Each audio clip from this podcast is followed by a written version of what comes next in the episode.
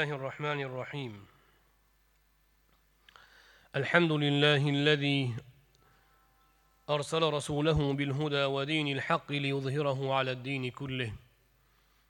والصلاة والسلام على سيدنا محمد المبعوث رحمة للعالمين وعلى آله وأصحابه أجمعين. السلام عليكم ورحمة الله وبركاته أزيز دين قرداشلر. Ilm muxlislari.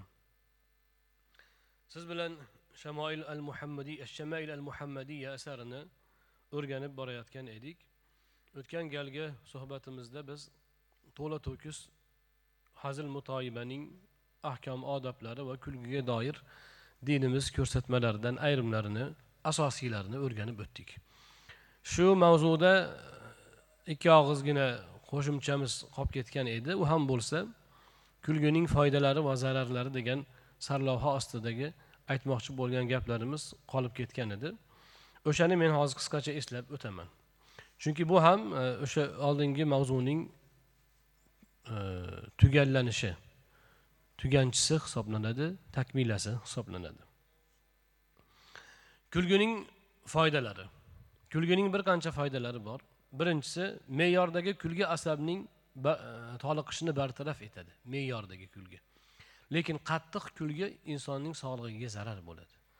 Shuning uchun yurak kasaliga yurak xuruji kasali bilan og'rigan bemorlarga tabiblar doktorlar aytadiki qattiq kulmang deydi. Chunki qattiq kulgi ham insonga demak zarar keltiradi. Me'yorida kulgi bo'lsa mana bu demak asabdagi ba'zi bir toliqishlar charchashlarni bartaraf etadi asabdagi toliqishlar ketsa insonda demak e, tiklanish fikr tiniqligi zehn yaxshiligi yuzaga keladi mana shu qur'on yodlayotgan odamlar ham qur'on yodlaysiz hadis yodlaysiz o'qiyotganda mana yoshlarimiz ham qur'on yodlayotganda nima qilsak oson yodlanadi deydi kayfiyat yaxshi bo'lishi kerak bundoq qovoqni olib haligi qiynalib o'tirib o'qisangiz yodlanish qiyin bo'ladi. Chunki miyaning tabiati miya xursandchilikda yaxshi ishlaydi xafachilikda emas. O'tgan safar ham aytdikku islom mahzunlikni cheklagan. Uch kundan ortiq aza tutmaysan deydi lekin xursandchilikni cheklamagan. Nega desa xursandchilik u insonga foyda keltiradi xursandchilik. Xafachilik esa insonning musulmon kishining faoliyatiga salbiy ta'sir ko'rsatadi. Shuning uchun musulmon odam hamisha allohdan yaxshi umidda xursand turish bo'lishi kerak. Ba'zi odamlar aytadi bir esimga tushganda e, bu hodisani aytib o'tishim lozim. Ustozimiz shayx hazratlar rahmatullohi alayhining bir biz bilan biz yig'ilishda bir yaxshi bir e, tadbir bo'lgan hazrat boshchiligida. U ham bo'lsa hazrat navoiyning asarlari e, nashr qilingan edi hilol nashrida. Kitobni biz tayyorlagan edik. O'shani bir o'zaro qadrdonlar bilan taqdimoti bo'lgan. O'sha joyda e, shayx hazratlari e, ba'zi bir zarofatli gaplardan yozilib kulganlari videosi tarqagan. O'sha videosi yozilgan tarqagan. Odamlar nima nima deb yozishyapti? E olim odam ham kuladimi? Yana ba'zilar yozadi musulmonlar shuncha musibatda tursa qancha mazlumlar bor musulmon kishi kuladimi? Va hokazo degan gaplarni yozishdi. Keyin o'sha vaqtda olloh bir ilhom berib bitta maqola yozgan edim men. Shayx ham kuladimi? degan. Xohlovchilar internetga bersanglar chiqadi o'qisanglar bo'ladi. O'sha joyda bir fikr mulohazani oldimizga qo'yib o'ylaydigan bo'lsak olim odam ham kuladimi? Kuladi. Nega kulmaydi? Nega kulmasligi kerak? Kulgi musibatga zidmi? Yo'q. Musulmonlar hech qachon musibatdan xoli bo'lmaydi. Doim sinov bo'lib turadi. Kimnidir beli og'riydi kimnidir aytaylik e, yaqinidan ayriladi. Va hokazo. Lekin o'sha musibatga berilib tushkunlikka tushib o'tirish kerakmi endi? Yo'q. Musulmon kishi hammasini ollohdan deb bilgandan keyin bo'lib ham bo'lib ham shundoq maqom borki rizo maqomi bor. Rizo maqomida inson ollohning har bir ishi hikmat har bir ishi o'zining irodasi bilan bo'lganiga to'la ishonch hosil qilganidan allohning hamma taqdiriga shundoq rozi bo'ladiki deydi mutasavvuf ulamolarimiz. Baloni ne'matdek qabul qiladi. U rizo maqomi sabr maqomidan baland turadi. Sabrda musibat bor qanaqadir bir betoqatlik bor uni yengasiz tashqariga chiqarmaysiz mana bu sabr. Lekin musibat kelganda og'irlik kelganda dodvoy solish bu sabr emas bu. Bu jaza deyiladi. Ya'ni betoqatlik dodvoy solish bu sabr deyilmaydi. Sabr yutib tashqariga chiqarmasangiz bu sabr bo'ladi. Lekin musibatni baloni ne'matdek qabul qilib qalbda kenglik bilan qabul qilsangiz mana bu rizo bo'ladi. Hazrat navoiy ham rizo maqomini nihoyatda ta'riflagan mahbubul qulubda. Rizo maqomi rasuli akram alayhissalotu vassalomning hadislarida keladi. Allohning qismatiga rozi bo'l. Odamlarning eng behojati eng boyi bo'lasan. O'sha rizo maqomi qanday desa rizo maqomi allohning hamma taqdiriga hammasi ollohdan deb bilgan odamning iymoni shunaqa bo'ladi. Hammasiga to'la bo'ysunish hammasiga rozi bo'lish hatto musibatni ne'matdek qabul qilish. Ana u rizo maqomidagi odamga deyiladi musibat u ne'matdek o'tib ketaveradi u hech qanaqa unga og'irlik keltirmaydi. Modomiki dunyo musibatdan xoli emas ekan. Musulmon kishi sinovdan xoli ayri emas ekan. Ko'ngil siqadigan ishlarga juda berilib bo'lmaydi. Inson gohida buna bundan ta'sirlanadi lekin mo'min kishi hammasi ollohdan hammasida inshaalloh yaxshilik bor. Alloh nimani bitsa shunda yaxshilik bor degan iymon bilan har qanday musibat har qanday og'irlikni yengib o'tsa bo'ladi. Ana o'sha maqom rizo maqomi? U sabr maqomidan baland. Sabrda ichingizda qiynalish bor. Rizoda ichingizda qiynalish betoqatlik bo'lmaydi. Ana shunday odam nima bo'lsa ham ozgina bir mahzunlik boshqa bo'ladi lekin allohning irodasi shunday yaxshilik bordir deydida yana tabassum yana kulgiga o'taveradi. Shuning uchun и musulmonlar hozir falon joyda o'layotgan bo'lsa piston joyda manaqa bo'layotgan bo'lsa musulmon kishi kulsa bo'ladimi? Rasuli akram alayhissalotu vassalomning hayotlari to'lig'icha musibatda bo'lgan. Ya'ni eng ro'shnolikka chiqqan paytlarida u zot vazifani ado etgan bo'lganlar vafot etganlar rehlat qilganlar. Lekin hayotlarining so'nggi damigacha eng yaqin sahobalardan ayrilishdan to'xtamaganlar. Madina davrigacha tinimsiz hujumda bo'lganlar tinimsiz e, nishonda bo'lganlar dushmanlarning qurshovida ularning tahdidida madinaga hijrat qilganlaridan keyin ham tinimsiz talofatda bo'lganlar. Fotima roziyallohu anhodan boshqa hamma farzandlarini o'zlari qo'yganlar. Oilaviy musibat. Undan tashqari o'n yil o'n besh yillab tarbiya qilgan yigirma yillab tarbiya qilgan shogirdlari sahobalar g'azotlarda shahid bo'lishar edi lekin bu narsalar rasuli akram alayhissalotu vassalomni tabassum bilan yurishdan kulishdan man qilmagan. O'sha mahzunlik paytlarida biroz mahzunlik bo'ladi o'tadi ketadi. Keyin yana tabassum bilan kulgi bilan yashayverganlar nega desa musulmonlarga yetgan musibatdan ko'ra yutuq ko'p edi hozir ham shunaqa. Hozir ham musulmonlar mana falon joyda mundoq bo'lyapti deb vahima qilib gapirishadi. To'g'ri musibat. Lekin yutuq undan ko'p. Xursandchilik undan ko'p kenglik undan ko'p alhamdulillah. Mana bu narsani biz anglashimiz kerak. Ana shunda biz rasuli akram alayhissalotu vassalomning demak e, sunnatlariga muvofiq ish tutgan bo'lamiz. Xuddi shu ma'noda olimlar ham o'zlarining ba'zi bir maqsadlariga erishgandan dinimizga bo'layotgan kengchilik musulmonlarning ravnaqidan xursand bo'lib ko'ngillari yozilishi hech buni bir e, taqvoga monelik joyi yo'q. Va xususan mana shundoq bo'lishi kerakki nega desa musulmon kishi to'g'ri fikrlashi uchun tiniq fikrlashi uchun va to'g'ri tadbir qilishi uchun u kayfiyatini yaxshi ushlashi kerak. Kecha juma bittasi kelibdi. Domla deydi nimaga deydi masjidda imom domlalar men kuzatsam deydi zolim va mazlumlarni duo qilmaydi. Shuni siz duo qilsangiz bo'ladimi? Zolim va mazlumlarni deydi. Men aytdim zolim kim mazlum kim hozir? Vahima qiladigan nima bor? Desam endi boru deydi. Biz duo qilamiz dedim. Parvardigor bizga yaxshiligini ber. Yomonlikdan asra. Shuni ichida hammasi bor. Anas ibn molik roziyallohu anhuning huzuridan bittasi duo so'radi. U kishi robbana atina fid dunya hasana va fil oxirati hasana va qina robbimiz bizga dunyoda ham yaxshilik ber oxiratda ham yaxshilik ber do'zax azobidan saqla dedi. Haligi odam ta'sir tuzukroq duo qiling dedi. Deyuvdi anas ibn molik aytdilarki senga dunyoni yaxshiligini so'rasam oxiratni yaxshiligini so'rasam. Oxiratni dunyoning e, oxiratning azobi do'zax azobidan panoh tilasam senga yana nima kerak? Musibat faqat musibat faqat yomonlik bo'lmaydi. O'sha mazlumlar bo'lishi balki o'sha mazlumlar uchun o'sha yaxshidir.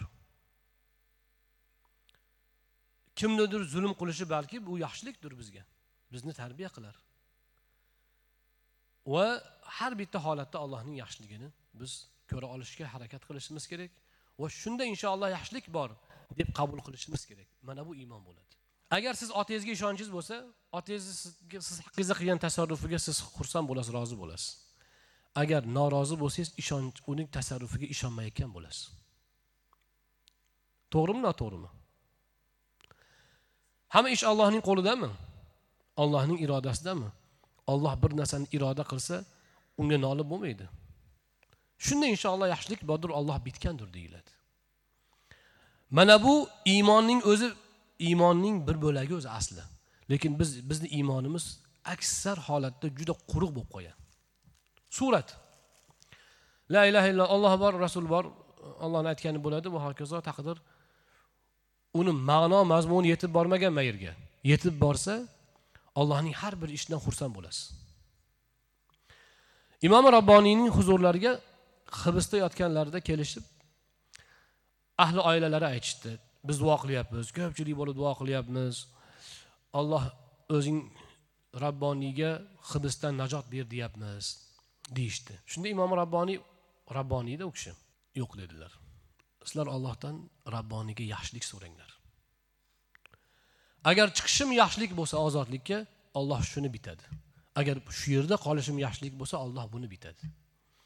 Ollohdan hibsdan chiqsin deb so'ramang. Yo rob rabboniyga yaxshiligingni ziyoda qilgin.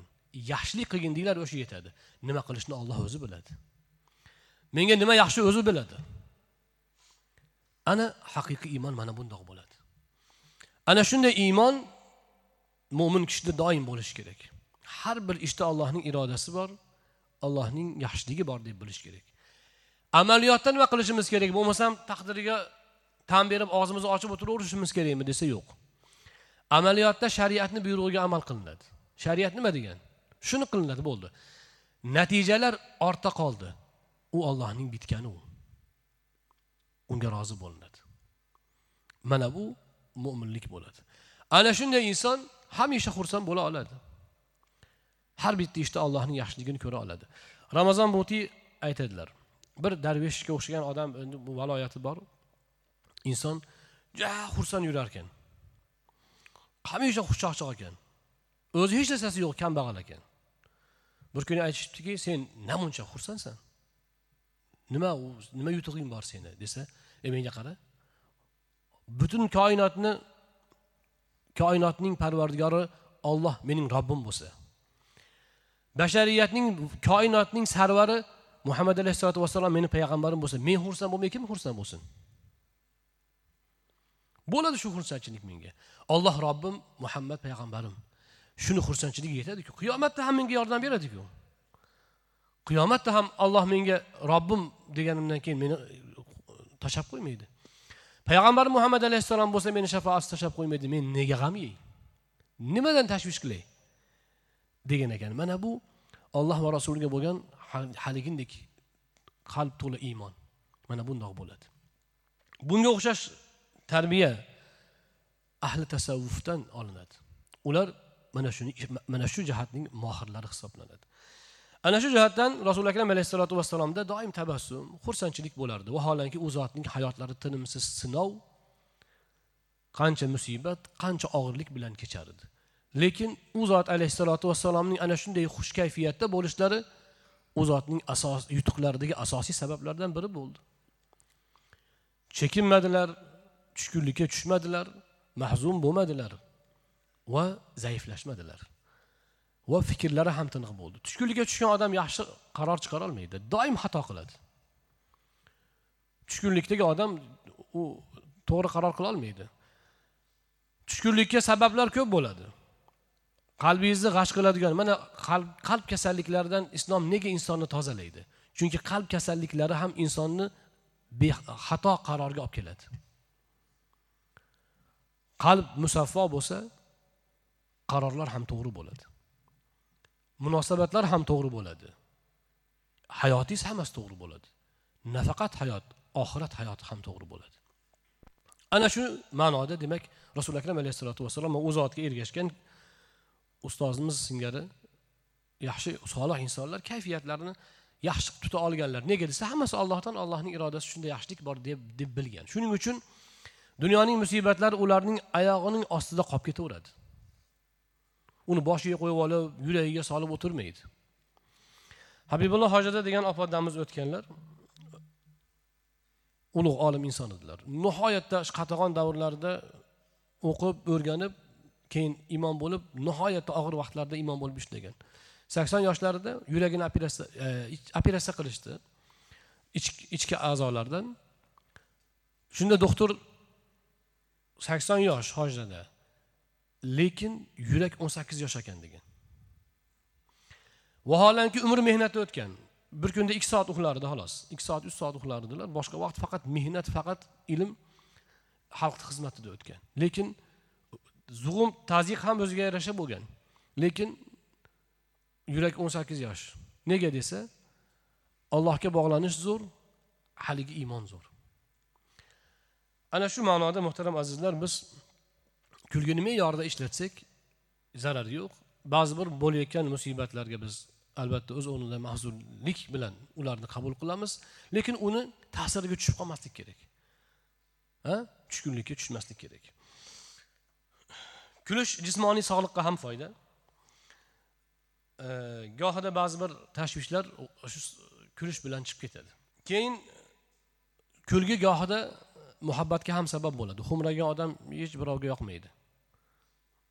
Kulgi o'zaro muhabbatga ham sabab bo'ladi. Kulgan odamning aqli zakovati o'sadi.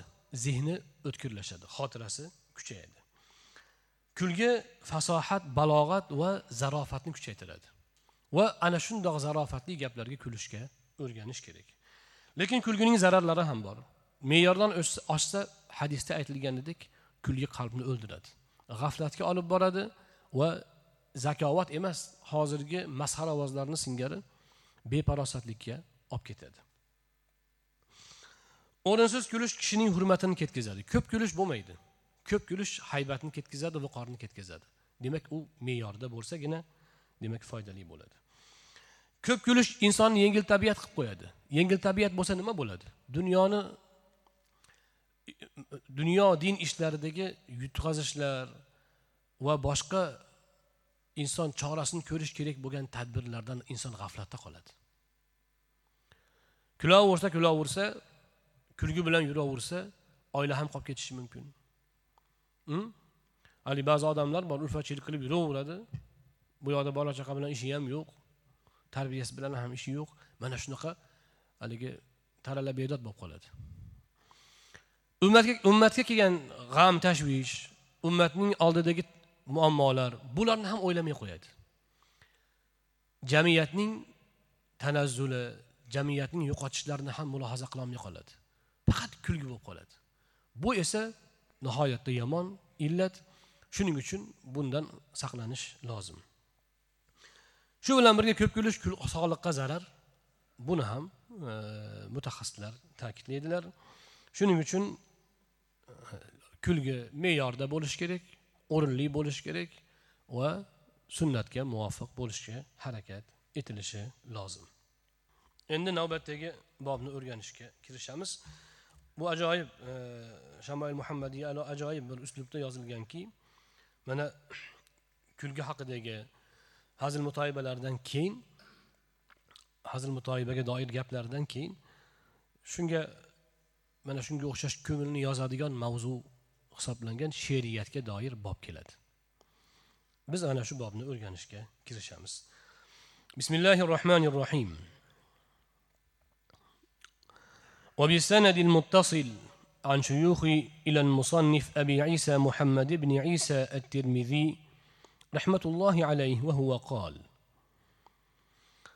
باب ما جاء في صفة كلام رسول الله صلى الله عليه وسلم في الشعر رسول الله صلى الله عليه وسلم she'r xususidagi gaplari vasfida kelgan xabarlar bobi. حدثنا علي بن حجر حدثنا شريك عن المقداد بن شريح عن أبيه عن عائشة رضي الله عنها قالت قيل لها هل كان رسول الله صلى الله عليه وسلم يتمثل بشيء من الشعر؟ قالت كان يتمثل بشعر ابن رواحة ويتمثل بقوله ويأتيك بالأخبار من لم تزودي. Oysha roziyallohu anhodan rivoyat qilinadi u kishiga shunday deyildi. Rasululloh sollallohu alayhi vasallam she'rdan misollar keltirib gapirarmidilar? She'rlardan iqtibos keltirib so'zlarmidilar? Deyishdi. Oysha roziyallohu anhu ha rasululloh sollallohu alayhi vasallam ibn ravohaning she'ridan misol keltirib gapirardilar. Uning bir so'zini aytib bir she'rini aytib rasuli akram alayhissalotu vassalom o'z so'zlariga demak e, izofa qilganlar. Misol tariqasida. U qaysi desa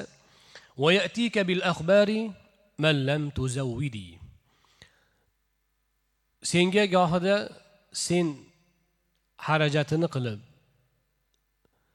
maunatini qilib ta'minotini qilmagan kishing ham xabarlar yetkazadi degan she'r. Bu she'rni asli? Torafa ibn al abd degan shoirga tegishli deydi mutaxassislar. Bu yerda oysha roziyallohu anhu abdulloh ibn ravoha roziyallohu anhu sahobaga nisbat beryaptilar. Abdulloh ibn ravoha roziyallohu anhu rasuli akram alayhissalotu vassalomning shoirlaridan biri edi. Kab ibn molik hason ibn sobit abdulloh ibn ravoha roziyallohu anhular rasuli akram alayhissalotu vassalomning atroflaridagi shoirlar edi abdulloh ibn ravohaga nisbat berilishi bu oysha roziyallohu anhu tomonidan ehtimolki abdulloh ibn ravoha o'sha tarafa ibn al abd degan shoirning mana shu misrasini olib yoniga boshqa she'rlarni ham yozgan bo'lsa oysha roziyallohu anhu misrani unga nisbat beryaptilar. Aslida esa bu misraning asl muallifi tarafi ibn al abd bu johiliyat davrining shoirlaridan hisoblanadi. U muallaqotu saba degan arablarda johiliyat davriga tegishli shoirlarning yettita shoirning qasidasi bor. Qasidalari bor yettita qasida. Yettita muallaqot deyiladi mashhur juda. O'shalarning biri shu tarafa ibn al abd bo'ladi. O'sha kishining misrasi bu bu misraning oldingi satri shuki ma kunta jahilan va yatika bil akhbari man lam tuzawwidi. Ma'nosi shuki satubdilaka al ayyamu ma kunta jahilan. Kunlar seni senga sen bilmagan narsalarni ko'rsatib boradi. Bilmaganlaringiz kun sayin sizga ayon bo'ladi. Shunaqa demoqchi shoir. ma kunta jahilan sen bilmagan narsalaringni kunlar senga bildiradi senga ko'rsatadi ويأتيك الأخ ويأتيك ويأتي ويأتيك بالأخبار ويأتيك بالأخبار من لم تزودي sen zodi rohilasini qilib ta'minotini qilmagan kishilaring ham senga yaxshi xabarlar kerakli xabarlar olib keladi degan gap ya'ni odatda rahbar odam mutasaddi odamlar yoinki podshohlar amirlar bir ma'lum bir nozik xabarlarni bilish uchun kimlargadir yo'l kirasini berib ot ulovini qilib yana maoshini berib shuni bilib kel deydi to'g'rimi?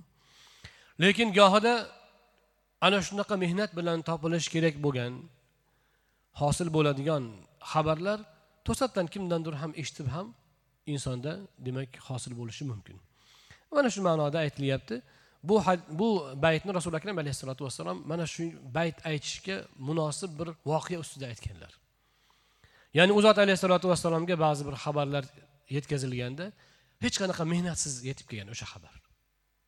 Shunda aytganlar mana shu shoirni she'rini eslagan ekanlar. Shoir to'g'ri aytgan ekan mana bizga ham demak mehnat qilmasak ham xabarlar kelyapti ba'zi bir xabarlarni odamlar beminnat yetkazyapti. Degan ma'noda she'rni rasuli akram alayhissalotu vassalom iqtibos qilib keltirgan ekanlar. Abdulloh ibn ravoha roziyallohu anhu ansoriylardan hazrajiylardan bo'lganlar. Rasuli akram alayhissalotu vassalom bilan g'azovatlarda birga ishtirok etganlar va mu'ta g'azotida u kishi amir bo'lib o'sha g'azotda u kishi shahid bo'lganlar.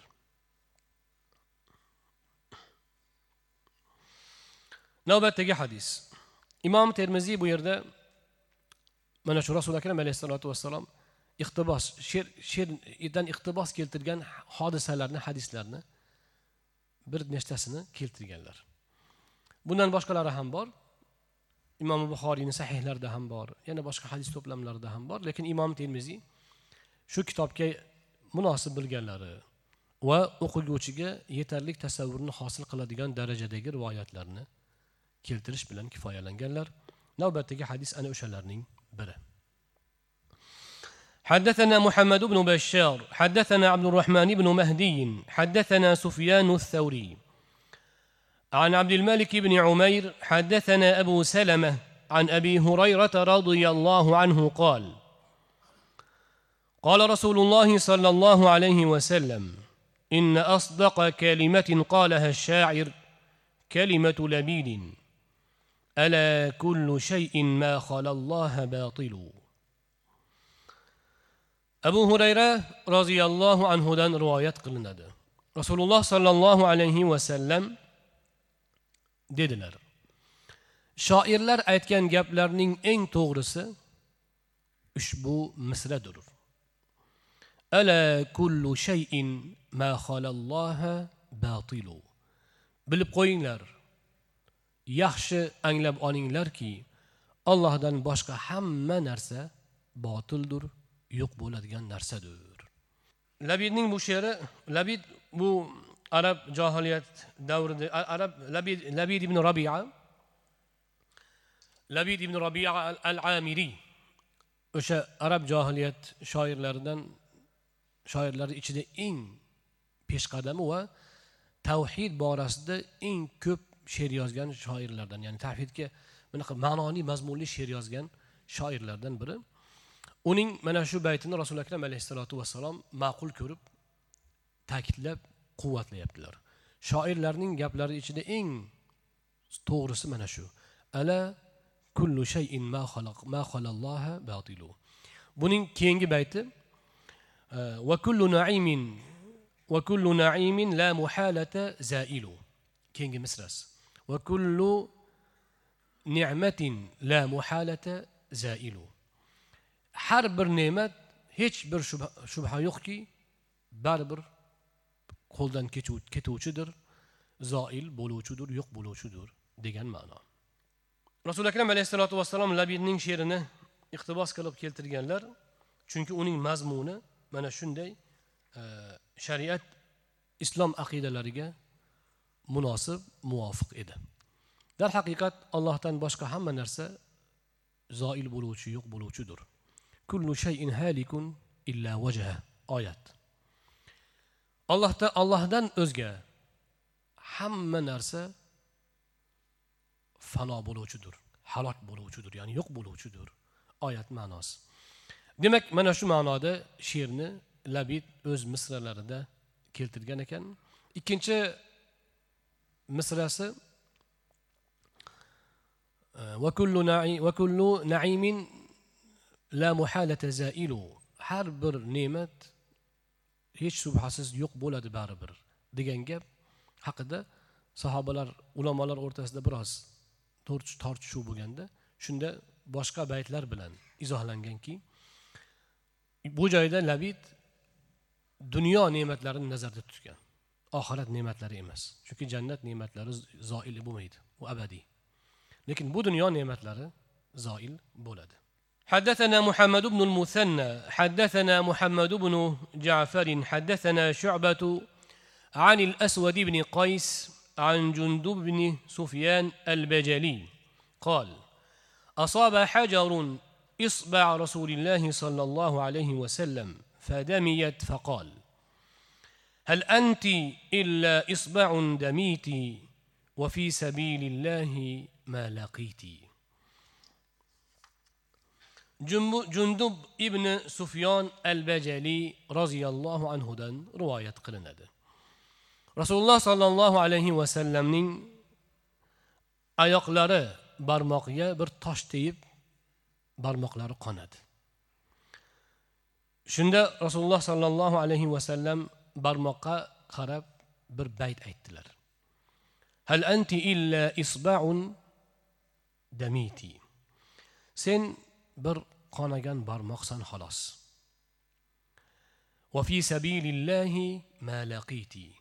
Senga nima yetgan bo'lsa alloh yo'lida yetdi xolos degan ekanlar. Bu baytni rasuli akram alayhissalotu vassalom demak shoirning baytlaridan biri sifatida yodlagan ekanlar.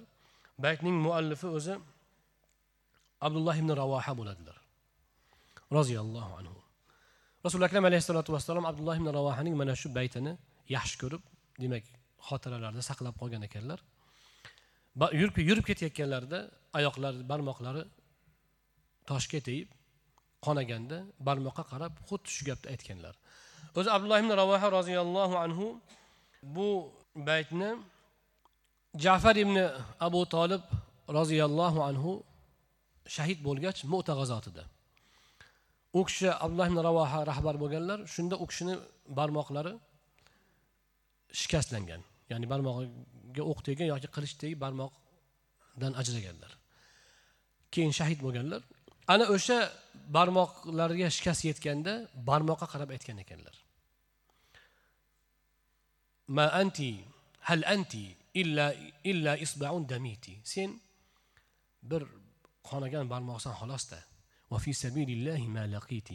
Nima yetgan bo'lsa ham senga olloh yo'lida yetdi degan baytni aytgan ekanlar. Baytning davomi ham bor. Rasuli akram alayhissalotu vassalomga o'sha bayt demak naql qilingan. U zot alayhissalotu vassalom u baytni xotirada saqlab qolgan ekanlar va ana o'zlariga barmoqlariga oyoq barmoqlariga tosh tegib barmoqlari qonaganda shu baytni keltirgan ekanlar. Rasuli akram alayhissalotu vassalom qadam bosib ketayotganlarida oyoqlariga tosh tegsa nega bu baytda aytdilar? Chunki u zot alayhissalotu vassalomning qadamlari olloh yo'lida edi. Yurgan yo'l ishlar bosgan qadamlar olloh yo'lidagi qadam edi. Shuning uchun qadamlariga yetgan tosh tegib yetgan ozor ham alloh yo'lidagi ozor edi. Shuning uchun rasuli akram alayhissalotu vassalom ushbu baytni esladilar. Bu joyda ajoyib hikmatlar bor. O'zi barmoq eshitib anglaydigan narsami? Odatda bunaqa xitob ongli mavjudotga qarab qarata qilinadi. Bir odamga sen nima bo'lsa ham olloh yo'lida bo'ldi senga yetgan musibat desangiz u odam tushunayotgan odam ongli odam bo'lishi kerak. Devorga gapirmaysizku. Barmoq tushunadigan a'zomi o'zi anglaydigan? Yo'q. Bu yerda badiiyat bor. She'riyat mana shu badiiyat bilan go'zal bo'ladi. Rasuli akram alayhissalotu vassalom ham mana o'sha badiiyatdan zavqlari bor uchun bunga bunga bir zavqlari kelib maza qilib o'z barmoqlariga mana shu qoidani ishlatyaptilar. O'zi barmoqqa ongsiz barmoqqa xitob qilish o'zi noo'rin lekin xitobning ostida barmoqning egasiga qarab gap ketyapti. Gap barmoqning egasiga qaratilgan ya'ni ey barmoq sen bitta barmoqsan xolos deyish bilan nima barmog'im kesilib ketdi voy barmog'im kesildi deyishning aksi. Ya'ni olloh yo'lida inson o'zini arzon sanash o'zini pisandsiz sanash. Olloh yo'lida musibat yetsa musulmon kishi mana shunday bo'ladi. Olloh yo'lida musibat yetsa voy mana bo'lib qoldim anaqa bo'lib qoldi demaydi. Chunki u borlig'i ollohniki agar uning borlig'i olloh yo'lida musibatlansa olloh yo'lida shikastlansa u unga u sharaf bo'ladi. Shuni eslatyapti barmoqqa. Barmoq orqali o'ziga eslatyapti. Voy barmoq. Nima bo'lsa ham sen bitta barmoqsan xolos. Ja vahima qilma o'ziga taskin. Lekin nima aytgan bo'lsa ham olloh yo'lida aytdi bu senga sharaf. mana رواحة رضي الله عنه بيت roziyallohu anhu baytga solgan بيتنا رسول bu عليه الصلاة والسلام ما قل كرب ko'rib eslagan ekanlar حدثنا ابن أبي عمر حدثنا سفيان بن عيينة عن الأسود بن قيس عن جندب بن عبد الله الباجلي نحوه. بو يرد حديث سند أوز كيغن ألدن حديث أينا أوز من شو باشق سند بلنهم نقل قلنجن إكن إيه حدثنا محمد بن بشار حدثنا يحيى بن سعيد حدثنا سفيان الثوري. أنبأنا أبو إسحاق عن البراء بن عازب رضي الله عنه قال قال له رجل أفررتم عن رسول الله صلى الله عليه وسلم يا أبا عمارة؟ فقال لا والله ما ولى رسول الله صلى الله عليه وسلم ولكن ولى سرعان الناس. تلقتهم هوزان بالنبل. ورسول الله صلى الله عليه وسلم على بغلته. وأبو سفيان بن الحارث ابن عبد المطلب آخذ بلجامها. ورسول الله صلى الله عليه وسلم يقول أنا النبي لا كذب أنا ابن عبد المطلب. براء ibn ozib roziyallohu anhudan so'raldi u kishiga bir kishi ey abu umora u kishining kunyalari shundoq ekan. Ey abu umora sizlar rasululloh sollallohu alayhi vasallamni tashlab qochganmisizlar? Dedi. Bu hodisa mana shu savolda nazarda tutilgan hodisa hunayn g'azotida bo'lgan. Hunayn g'azoti makka fathi makka fathidan keyin bo'lgan sakkizinchi hijriy sanada. Musulmonlar makkani fath qilganda g'atafon va saqif qabilalari musulmonlarga qarshi kuch to'plab juda ko'p askarlar bilan musulmonlarga qarshi jangga kelgan makkani yaqiniga kelgan bostirib shunda musulmonlar ularga qarshi jangga otlanishgan. Makka fath bo'lgani uchun kecha musulmon bo'lganlar ham bor edi. Ya'ni bugun musulmon bo'lgan o'zi ertaga ketdik jang bo'lib qoldi ketdik jangga deb chiqib ketildi jangda musulmonlar o'z tarixlarida birinchi bor o'n ming askar bilan jangga qatnashayotgan edilar shuning uchun ular mana shu ko'pliklarga suyanib qolishdi alloh subhanahu va taolo qur'oni karimda tavba surasida aytadi juda tarbiyaviy hodisa لقد نصركم الله في مواطن كثيرة ويوم حنين إذ أعجبتكم كثرتكم فلم تغن عنكم شيئا وضاقت عليكم الأرض بما رحبت ثم وليتم مدبرين darhaqiqat alloh sizlarga juda ko'p o'rinlarda yordam berdi nusrat berdi hunayn kunida ham o'shanda sizlarning ko'p siz, sizlarni adadlaringiz ko'pligi mag'rur qilib qo'ygan edi Sizlarni mana shu narsa lol qoldirgan edi. Sizlar ko'pliklaringizdan juda hovli qilib qolgan edingiz. Lekin ko'pligingiz sizlarga hech qanaqa foyda bermadi. Sizlarni hech narsadan himoya qilmadi. Keng yer sizlarga tor bo'lib qoldi. Keyin ortga qaramay qochdinglar. Mana shu oyat ta dalolat qilingan hodisa bo'lgan. Mana shu haqda so'rashyapti. Ey abu umora baro ibn ozib roziyallohu anhu roziyallohu anhu nazarda tutib anhuni nazarda tutib bu kishiga xitoban aytilyapti. O'sha oyatda aytilyaptiki sizlar orqaga qarab qochgansizlar deyilyapti. Sizlar rasuli akram alayhissalomni qo'yib o'zinglar tirqirab qochganmisizlar? degan savolni beryapti. O'sha oyatdan oyatning mazmunidan kelib chiqib. Shunda baro ibn ozib roziyallohu anhu aytyaptilarki yo'q.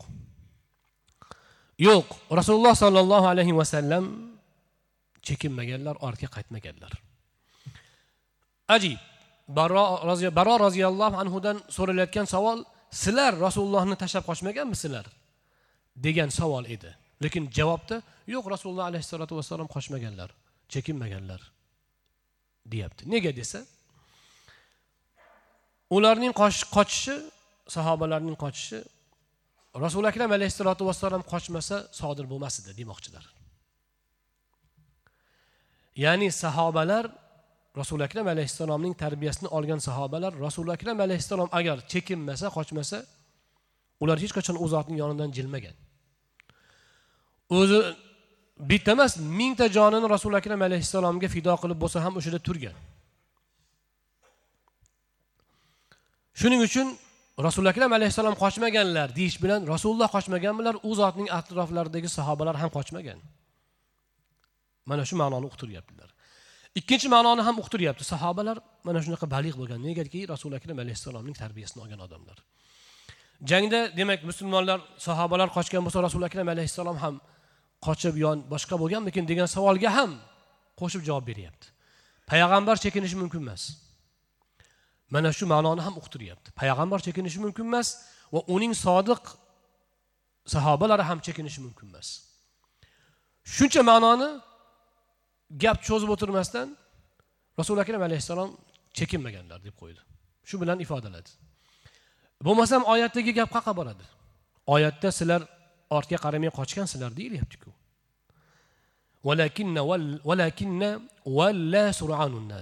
Lekin shoshqaloq odamlar ana shunday qochib qolishdi. Ular chekinib qolishdi. Ular kimlar edi desa boshqa rivoyatlarda keladi. Ular makka fathida musulmon bo'lgan odamlar edi johiliyatdan shirkdan endi chiqqan hali tarbiya ta'lim olmagan kecha musulmon bo'lgan bugun zaruratdan jangga otlanib ketib qoldi.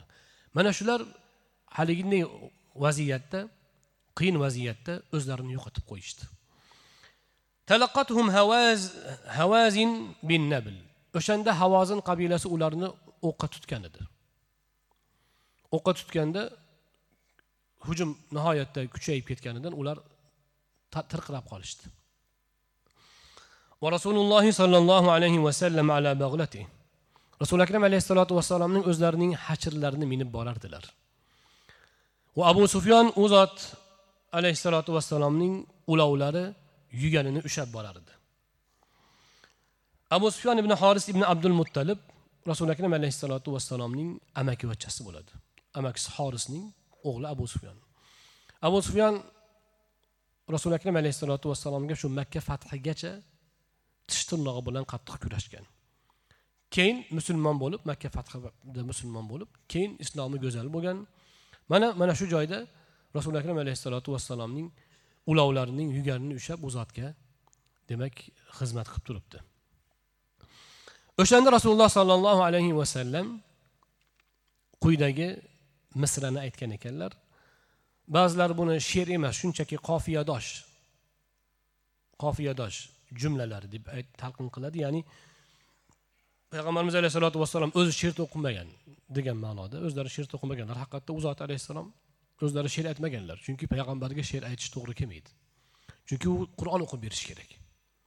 Qur'onga she'rni aralashtirib bo'lmaydi.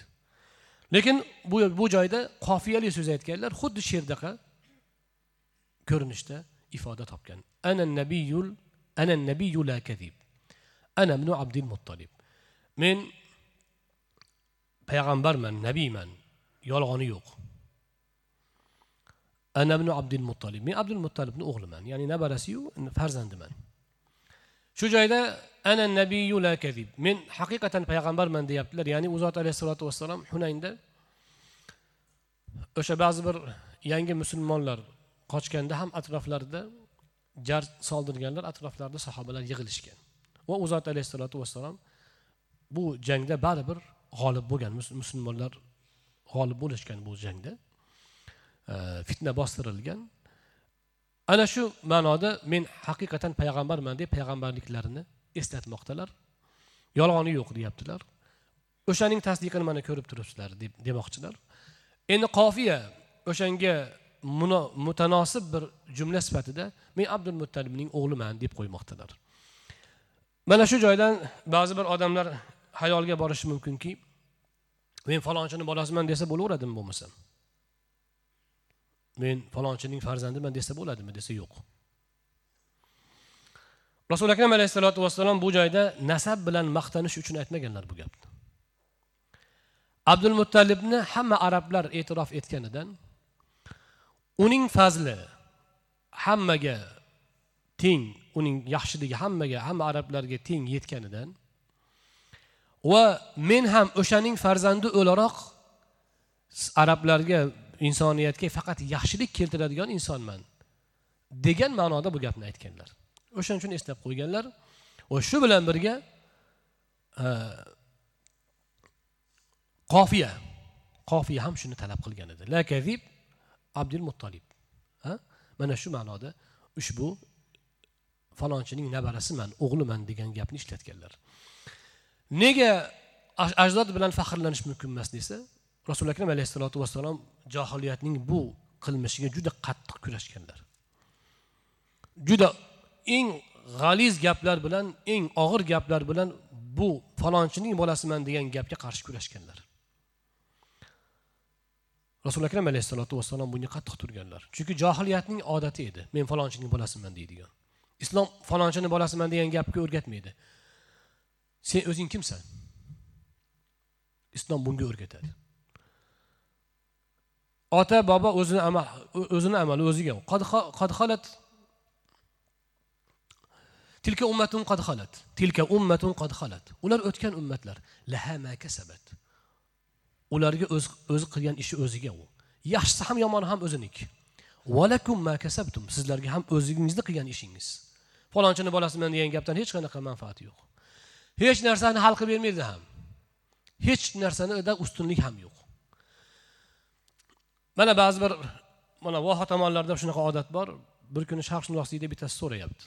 Qora aka bu eshon degani kim bo'ladi bular? Xo'sh nimaga so'rayapsiz? A shu bizda shu eshonman deganlar bor hammani qonini ichadi.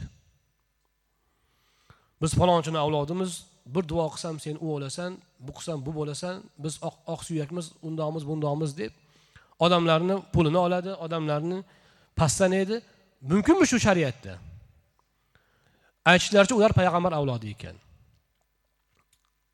Payg'ambar avlodining bitta istisnosi bor bitta xususiyat bor. U ham bo'lsa u sadaqa yeyolmaydi tamom vassalom. Bo'ldi. Qolgani o'zining amali u. O'zi kim? Gap mana bu joyda. Nuhning nuhning farzandi kofir edi. Payg'ambarning avlodi edi. Halok bo'ldi. Ozarning farzandi ibrohim edi. Alayhissalom u payg'ambar edi. Nasab hech narsani hal qilib bermaydi. O'shaning uchun biz palonchilarni avlodimiz buxoriyni avlodimiz payg'ambar avlodimiz bekor gap.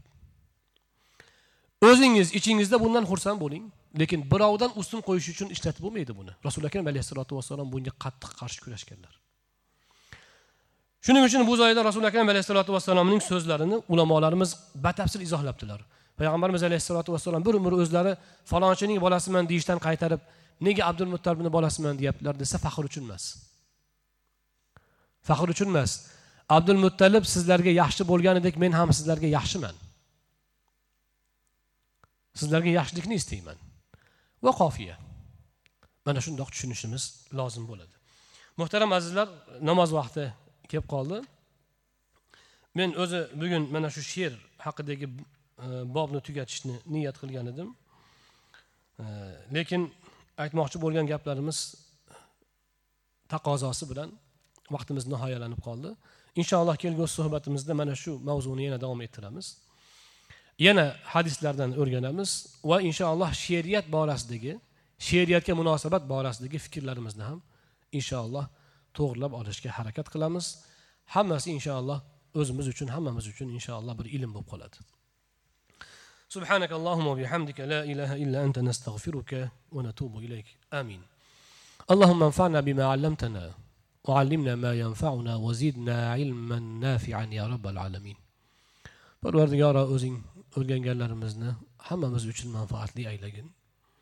Bu ilmiy sohbatlarimizning barakotini o'zimiz, ahillarimiz, butun yurtimiz uchun, butun dunyo uchun mo'l ko'l bo'lishini ilohiy o'zing ta'minlagin.